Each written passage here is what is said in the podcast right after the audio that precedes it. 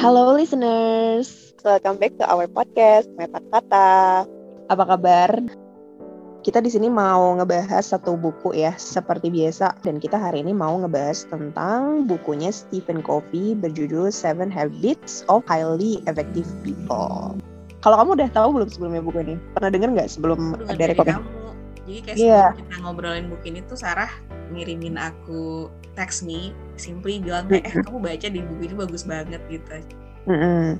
Nah, jadi sebenarnya waktu itu hal yang men-trigger aku untuk kemudian merekomendasikan buku ini tuh adalah aku nonton salah satu YouTube channel kan. Kalau nggak salah tuh sebenarnya kayak recording hasil dari seminar. Salah satu pembicaranya itu adalah Dian Sastro. Terus si Dian Sastro tuh cerita gitulah tentang gimana ibunya itu mendidik dia gitu. Karena kan ibunya single parent kan, dan ibunya ini backgroundnya tuh kayak orang di korporasi gitu. Nah terus ibunya tuh karena sering ninggalin si Dian kan, karena kan dia anak tunggal ya kalau nggak salah dan ayahnya juga udah meninggal lama kan. Terus akhirnya dia cerita kan kalau ibunya ini mendidik dia itu dengan ngasih buku gitu. Jadi Dian itu menghabiskan masa kecilnya itu dengan eh, baca buku dan buku ini yang kemudian direkomendasikan sama ibunya. Ya udah akhirnya aku coba dulu kan. Ini sangat worth it sekali untuk dibaca karena ini kaitannya dengan self improvement ya. Apa pun trigger yang kemudian um, membuat akhirnya misalnya Sarah ke trigger gara-gara nonton Dian Sastro yang diminta baca sama ibunya buku ini dan aku ke trigger gara-gara Sarah minta gitu. Intinya kami cuma pengen bilang bahwa Seven Habits of Highly Effective People ini adalah salah satu di antara self improvement book yang kemudian satu dia bestseller dan yang kedua uh, bisa kalian jadikan sebagai salah satu highly recommended book untuk kalian masuk ke dalam list bacaan kalian gitu. Karena simply buku ini mengajarkan kita terkait dengan bagaimana sebuah pencapaian yang besar apa pun itu justru dimulai dengan hal-hal yang sederhana gitu. Karena tidak sedikit orang yang tidak mampu melihat hubungan antara pencapaian besar dengan kejadian-kejadian kecil atau kebiasaan-kebiasaan kecil yang kemudian dilakukan dalam hidupnya gitu. Pikirnya adalah aku pengen mencapai suatu hal besar so I need to do a great big step. But actually it is not karena Iya, justru step-step yang kecil-kecil inilah yang kemudian nanti terakumulasi dan kemudian menghasilkan hal besar tadi gitu. So hari ini aku sama Sarah bakal obrolin terkait dengan buku ini tentu saja, but we are going to make it brief karena kalian bisa baca lah ya reviewnya di internet. Tapi kami sebenarnya dalam segmen ini lebih banyak pengen sharing sih terkait dengan uh, what do we think, what kinds of thought comes. Mhm. Jika kemudian kita baca buku ini gitu ya. Ya, oke. Kita mungkin secara sekilas saja kali ya. Mungkin akan mencoba untuk menjelaskan sedikit aja tentang si buku ini tuh sebenarnya apa. Karena ada seven habit kan, berarti ada tujuh habits atau ada tujuh kebiasaan. Tiga habits pertama itu adalah membahas tentang private things atau hal-hal yang bisa meningkatkan skill individu kita sebagai person. Terus yang tiga habits selanjutnya itu adalah membahas tentang gimana kemudian cara kita untuk membangun hubungan dengan orang lain gitu ya. Terus satu habit yang sisanya itu itu menjadi salah satu kayak penguat ya. Kalau aku mungkin bilangnya itu kayak ngiket gitu loh, ngiket antara Oh iya. hubungan iya jadi kayak kita udah ngebangun kemampuan kita nih sebagai manusia, sebagai person.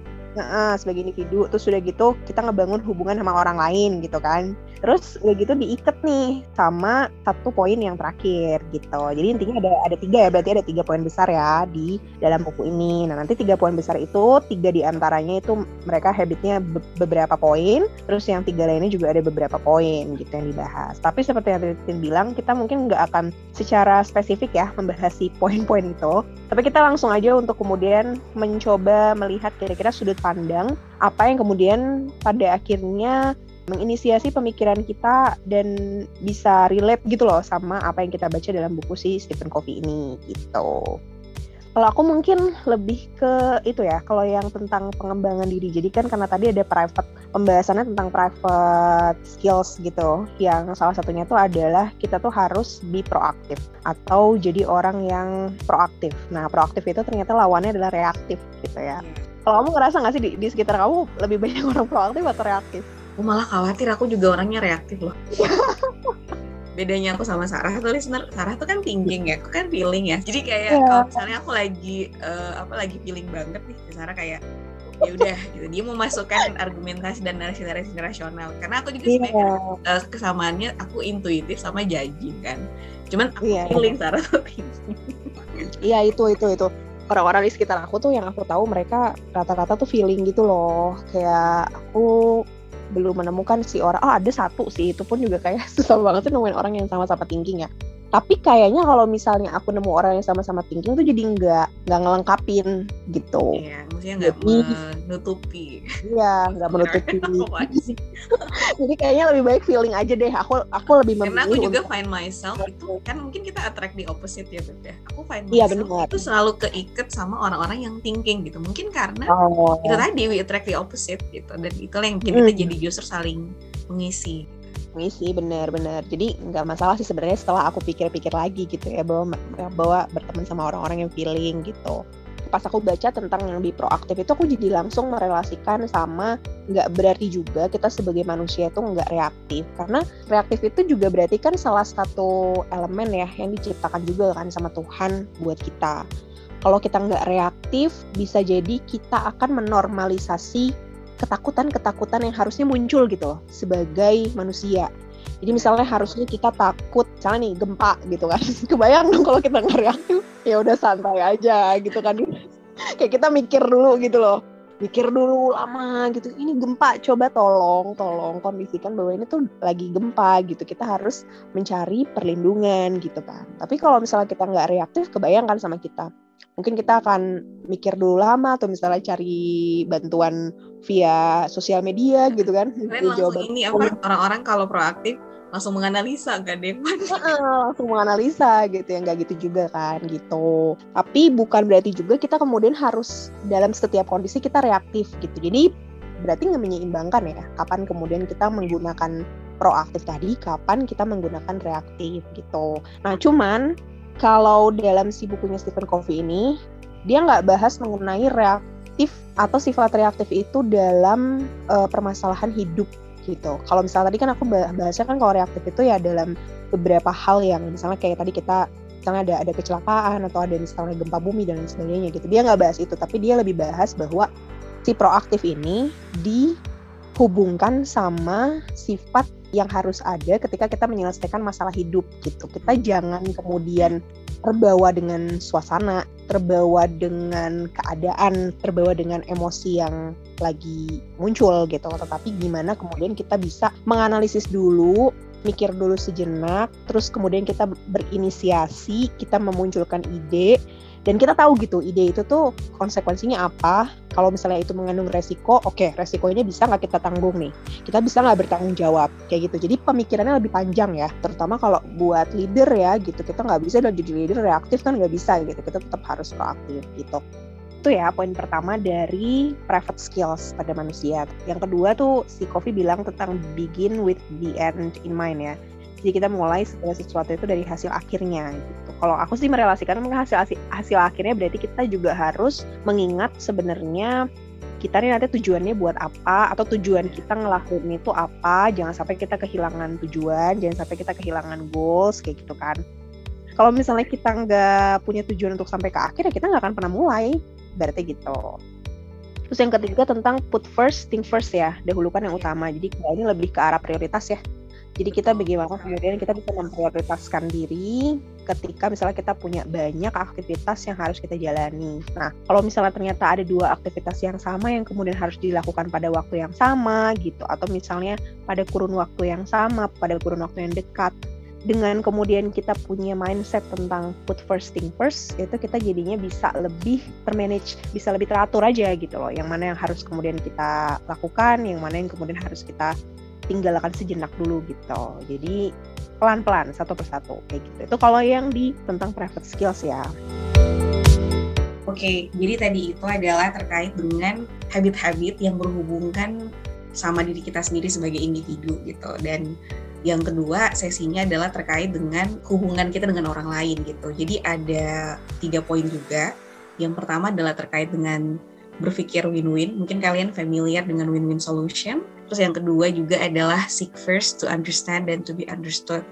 Mengedepankan memahami dibanding dengan dipahami. Lalu yang terakhir adalah synergize atau bersinergi. Nah, secara umum, think win-win ini berhubungan dengan salah satu skill atau kemudian let's say itu adalah habits ya yang perlu dibangun dalam rangka untuk menciptakan hubungan yang sama-sama menguntungkan dan juga memuaskan. Ada banyak sekali paradigma dalam hubungan manusia yang kemudian mungkin listener pernah dengarkan. Ya salah satu adalah win-win gitu, karena ada lose win di mana salah satunya kalah dan yang lainnya menang, atau kemudian keduanya sama-sama kalah, atau yang paling uh, favorable itu adalah win-win gitu. Nah makanya mungkin win-win solution itu datang dari istilah ini juga entah. Tapi intinya win-win solution ini adalah salah satu kondisi di mana baik itu hmm. kemudian jadi buat parties itu merasakan ini, merasakan benefit dan juga kemudian satisfying gitu.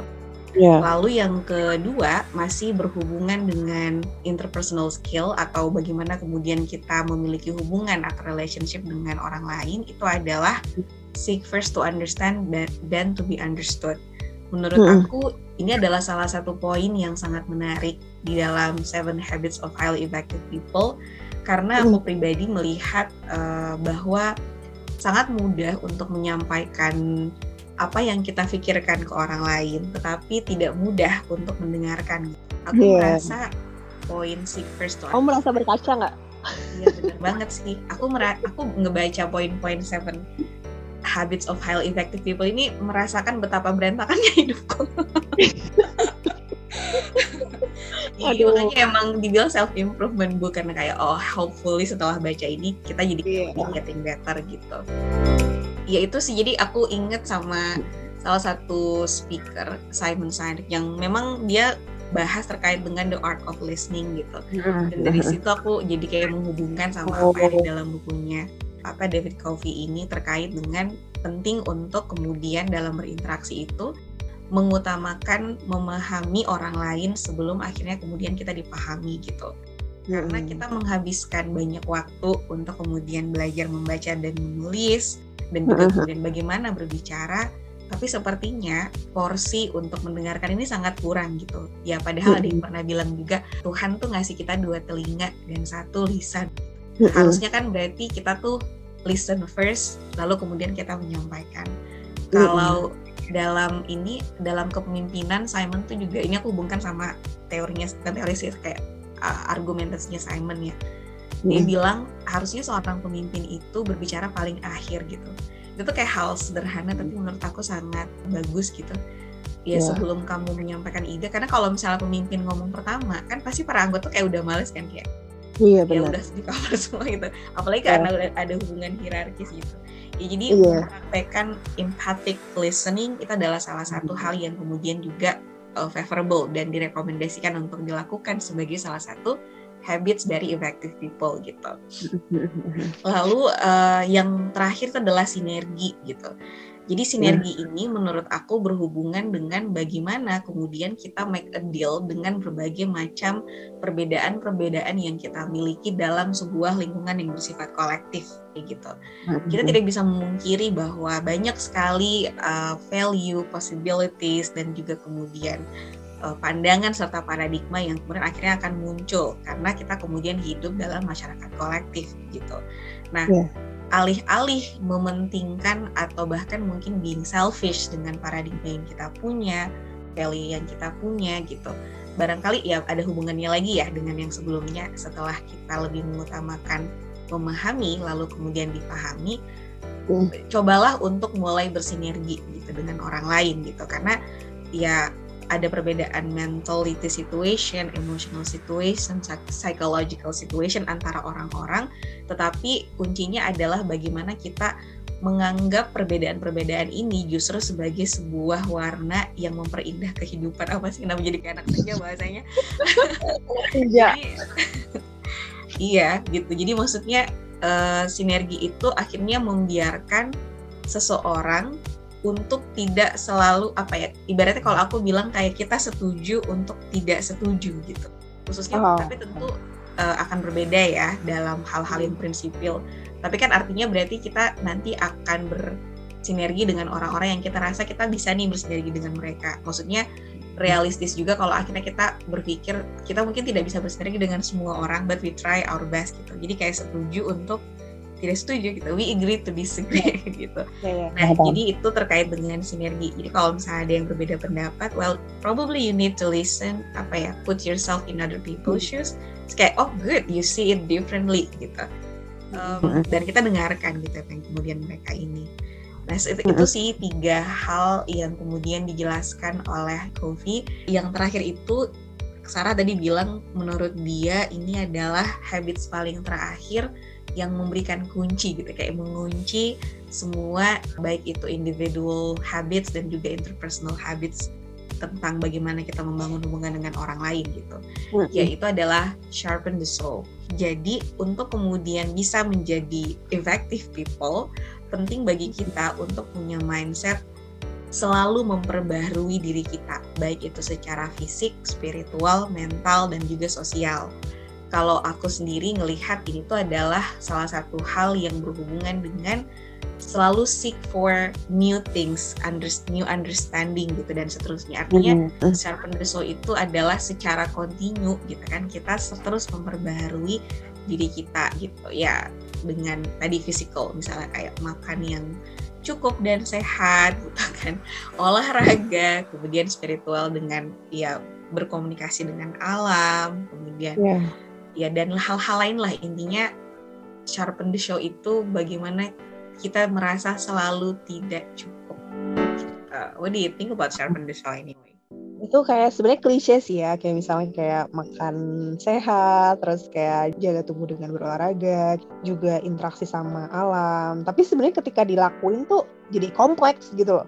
Itu kalau misalnya kita cuma ngomong doang iya emang iya gitu. Kayaknya semua orang tuh hampir rata-rata tahu ya untuk jadi sehat. Cuman ketika dijalanin pada faktanya tuh nggak semua orang ngelakuin itu. Karena mungkin sifat manusia juga emang sebenarnya manusia itu kan ada sifat-sifat pembangkangnya gitu kan. Kalau dalam psikologi itu namanya disonansi kognitif gitu. Jadi kayak dia tuh tahu sebenarnya itu tuh rules. Misalnya kayak ngerokok nih ngerokok tuh sebenarnya nggak bagus gitu buat kesehatan. Tahu dia kan. Apalagi di bungkus rokok juga kan ada warningnya gitu. Tapi tetap aja dia ngerokok gitu. Jadi hal yang kayak bertolak belakang gitu loh dari apa yang sebenarnya dia pikirkan tapi dia melakukan yang sebaliknya gitu dari yang dia pikirkan. Nah itu kayak terdisonansi gitu kan jadi akhirnya kognitifnya. Nah selanjutnya kita kita juga pengen nge-share terkait dengan apa yang kita pikirkan ya soal buku ini gitu. Hmm. Ya barangkali mungkin akan ada irisan dengan pembahasan sebelumnya. Seven Habits of Highly Effective People ini men, apa ya membuat kita jadi lebih sadar dan tahu gitu dan dan ingat bahwa sebenarnya hal besar yang kita raih itu justru dimulai dengan hal-hal yang kecil mungkin kalau aku tuh ngerasa uh, apa namanya sesederhana jadwal kita sikat gigi misalnya gitu kan. Yeah. berapa lama waktu yang kita habiskan untuk let's say scrolling social media? Atau yeah. termaksud misalnya topik apa yang kita lebih prefer untuk bahas pas kita ngobrol sama teman-teman kita gitu. Itu kan kayak sesuatu yang kayak udah kejadian aja gitu. Kayak yeah. udah sikat gigi makan ya makan gitu. Padahal justru itu memberikan dampak kayak gitu nah itu sih akhirnya terkait dengan seven habits of highly effective people ini yang paling uh, signifikan gitu. Kemudian yeah. satu hal lainnya aku juga pengen nge-share pemikiran aku soal self improvement book secara umum ya termasuk salah satunya barangkali seven habits of highly effective people jadi aku pernah membaca salah satu uh, tulisan dan juga aku juga pernah nonton video gitu yang senada dengan ini. Self improvement book itu akhirnya di dalam artikel ini tidak digambarkan sebagai salah satu hal yang memberikan dampak positif yang signifikan gitu. Alih-alih dia sebenarnya justru hanya akan menciptakan adiksi dan sekaligus bisa menjadi salah satu bentuk scam dari strategi marketing gitu. itu kayak agak-agak surprising kan sebenarnya kalau sering baca buku sehat perempuan mungkin salah satu implikasi adalah kita jadi ketagihan pengen baca buku yang lain gitu yeah. aku kan juga salah satu orang yang aku nggak banget sih cuman maksudnya aku membaca beberapa buku self improvement book dan salah satu implikasi yang aku dapatkan adalah aku tuh kayak craving more gitu loh. Kayak aku ya aku pengen baca lagi yang lain gitu. Apalagi kan biasanya di belakang buku tuh kayak ada tambahan e, kamu coba baca karya lain dari uh, Stephen Covey misalnya gitu. Yeah, yeah, yeah. aku pengen gitu. Jadi kayak narasi bahwa self improvement book itu somehow menciptakan adiksi menurut aku oh. tidak sepenuhnya salah because that is actually what is happening to me. At least to me gitu kan terus yang yang berbahayanya adalah orang-orang yang membaca self improvement book ini general ya listener maksudnya aku nggak menjudge siapa pun kalian di luar sana yang probably lagi listen to this podcast dan kemudian juga ternyata adalah orang yang selalu membaca self improvement book. Yang berbahaya hmm. adalah ketika kita udah baca nih satu buku tentang let's say seven habits of highly effective people dan kita ngerasa mindset kita tuh kayak berkembang gitu kayak wah aku jadi gain a new understanding gitu. Dan kita mendapatkan you know like a kind of hormone. Is it a hormone? Like a dopamine thing? Iya yeah, iya yeah, iya. Yeah uh, uh, kayak gitu. Dan kita merasa happy kan dengan itu. Reward system lah. Uh, uh. tapi alih-alih melaksanakan apa yang menjadi isi daripada self improvement book ini kita tadi malah kayak nyari buku lain. Karena kita you know we can't stop to get that kind of happy feeling atau perasaan oh. content dari membaca buku ini gitu jadi sebenarnya dampaknya tuh tuh nggak akhirnya nggak signifikan signifikan banget gitu bahwa buku ini tuh memberikan adiksi itu kayak menurut aku iya sih ini kayaknya perlu untuk menjadi konsiderasi juga gitu. Yeah. Jadi kayak apakah kita benar-benar butuh atau kita ngerasa buku ini bisa give a positive and significant impact dan sejauh yeah. mana mungkin penting juga untuk ibaratnya kayak baca buku terus evaluasi dulu nih gitu. Mm-hmm. Udah sejauh mana gitu melaksanakan apa yang ada di dalam buku ini. Baru pindah ke buku yang baru gitu. Karena kalau kita keep reading the whole things you know we don't even have time untuk mengaplikasikan. Karena satu buku aja tuh isinya sangat kompleks kan you know. Ya yeah, especially kalau kita misalnya uh, apa hubungkan dengan bagaimana masyarakat hari ini hidup dalam culture yang hostile kayak gitu ya nggak sih kayak yeah. even untuk punya waktu mikirin terkait dengan habits mungkin kayak kita perlu mengalokasikan juga gitu loh. Jadi kalau kita keep reading these things dan kita nggak punya evaluation, menurut aku hmm. dia akhirnya jadi useless juga beb kayak gitu. Oh iya, I see, I see, I see. Ya, bener. Nah itu, terus katanya tuh ini tuh bisa jadi kayak strategi marketing juga. Ini kayak cuman opini aja sih kayak, oh iya bisa hmm. jadi sih ya. Maksudnya orang-orang hmm. yang kemudian mengkonsumsi self improvement book itu somehow karena mereka jadi kayak pengen terus dapetin uh, rasa content tadi gitu kan karena baca self improvement book bukan karena melakukan sesuatu jadi kan bisa bertambah juga bisa ber, bisa berdampak juga sama marketing kan maksudnya orang jadi beli lagi beli lagi beli lagi gitu karena ada semacam adiksi yang kemudian yeah. tercipta setelah baca self improvement book. Kalau aku mikirnya itu at the end akan jadi pilihan lagi sih buat kita. Misalnya kita penulis buku terus udah gitu kita bikin untuk ngebantu orang-orang yang baca buku-buku kita itu gimana kemudian mereka tuh bisa bener-bener ngerasa buku ini tuh signifikan banget loh buat aku. Ternyata efektif dan works banget gitu loh di aku ya pada akhirnya kita nggak bisa benar-benar mengendalikan semua orang yang baca buku itu kan. Karena mereka juga pada akhirnya punya gaya hidup yang beda-beda juga gitu loh. Terus juga apakah mindset yang ada di dalam buku itu juga akan dipahami secara serupa kan? Enggak ya karena manusia itu kan otaknya enggak sederhana itu gitu. Jadi ya at the end itu pilihan lagi gitu loh buat kitanya. Apakah kita mau menjadikan buku ini benar-benar jadi efektif buat kita atau enggak dan kita mau membuat dia efektif dengan semua mindset yang kita pahami di dalamnya itu jadi kayak semacam ukuran untuk bisa merefleksikan apakah kita benar-benar paham sama isi buku ini atau enggak Terus kalau kaitannya sama effective people ya, kalau bagi aku orang yang efektif, orang yang keren itu adalah dia yang punya value dan dia pegang value itu gitu. Segimanapun kondisi yang membuat uh, dia akan goyah, dia nggak akan goyah gitu dengan value itu. Karena itu susah banget. Banyak orang-orang yang keren-keren tapi dia misalnya korupsi, ya nggak. Terus misalnya banyak orang yang iya bener dia keren-keren tapi misalnya dia suka nyuap gitu loh ya banyak lah di sekitar lingkunganku juga banyak yang seperti itu gitu tapi justru yang beda itu adalah ketika dia nih punya peluang untuk nyuap dia punya peluang untuk korupsi dia punya peluang untuk misalnya nyontek dia punya peluang untuk plagiat atau apa gitu tapi dia nggak ngelakuin itu karena dia punya value sendiri gitu loh. Jadi kayak wah keren habis nih orang gitu. Dan untuk bisa jadi orang yang kayak gitu tuh kalau yang aku lihat dari orang-orang yang punya value itu adalah orang-orang yang mereka tuh humble. Jadi aku belajar pada akhirnya tentang gimana sih jadi orang yang efektif bukan buat dirinya sendiri tapi juga dia punya interpersonal skill untuk orangnya. Jadi dia nge-influence orang. Dengan perilakunya aja kita bisa belajar bahwa eh gila keren banget. Dulu aku punya dosen yang dia tuh humble banget. Kacamatanya rusak. Dia tuh masih pakai kacamata yang dulu. Jadi dia pakai kacamatanya tuh yang bener-bener kayak gagangnya tuh udah lagi nggak bisa nyantol ke telinganya gitu loh beb. Dan dia nggak kayak aduh ini maaf, maaf ya kacamata saya gitu. Dia profesor. Dan semua dosen-dosen di fakultas aku tuh semuanya pada mengagumi dia lah gitu. Karena dia ini cukup senior ya kan? Dan punya banyak achievement juga. Ya profesor kan jadi profesor tuh nggak gampang kan?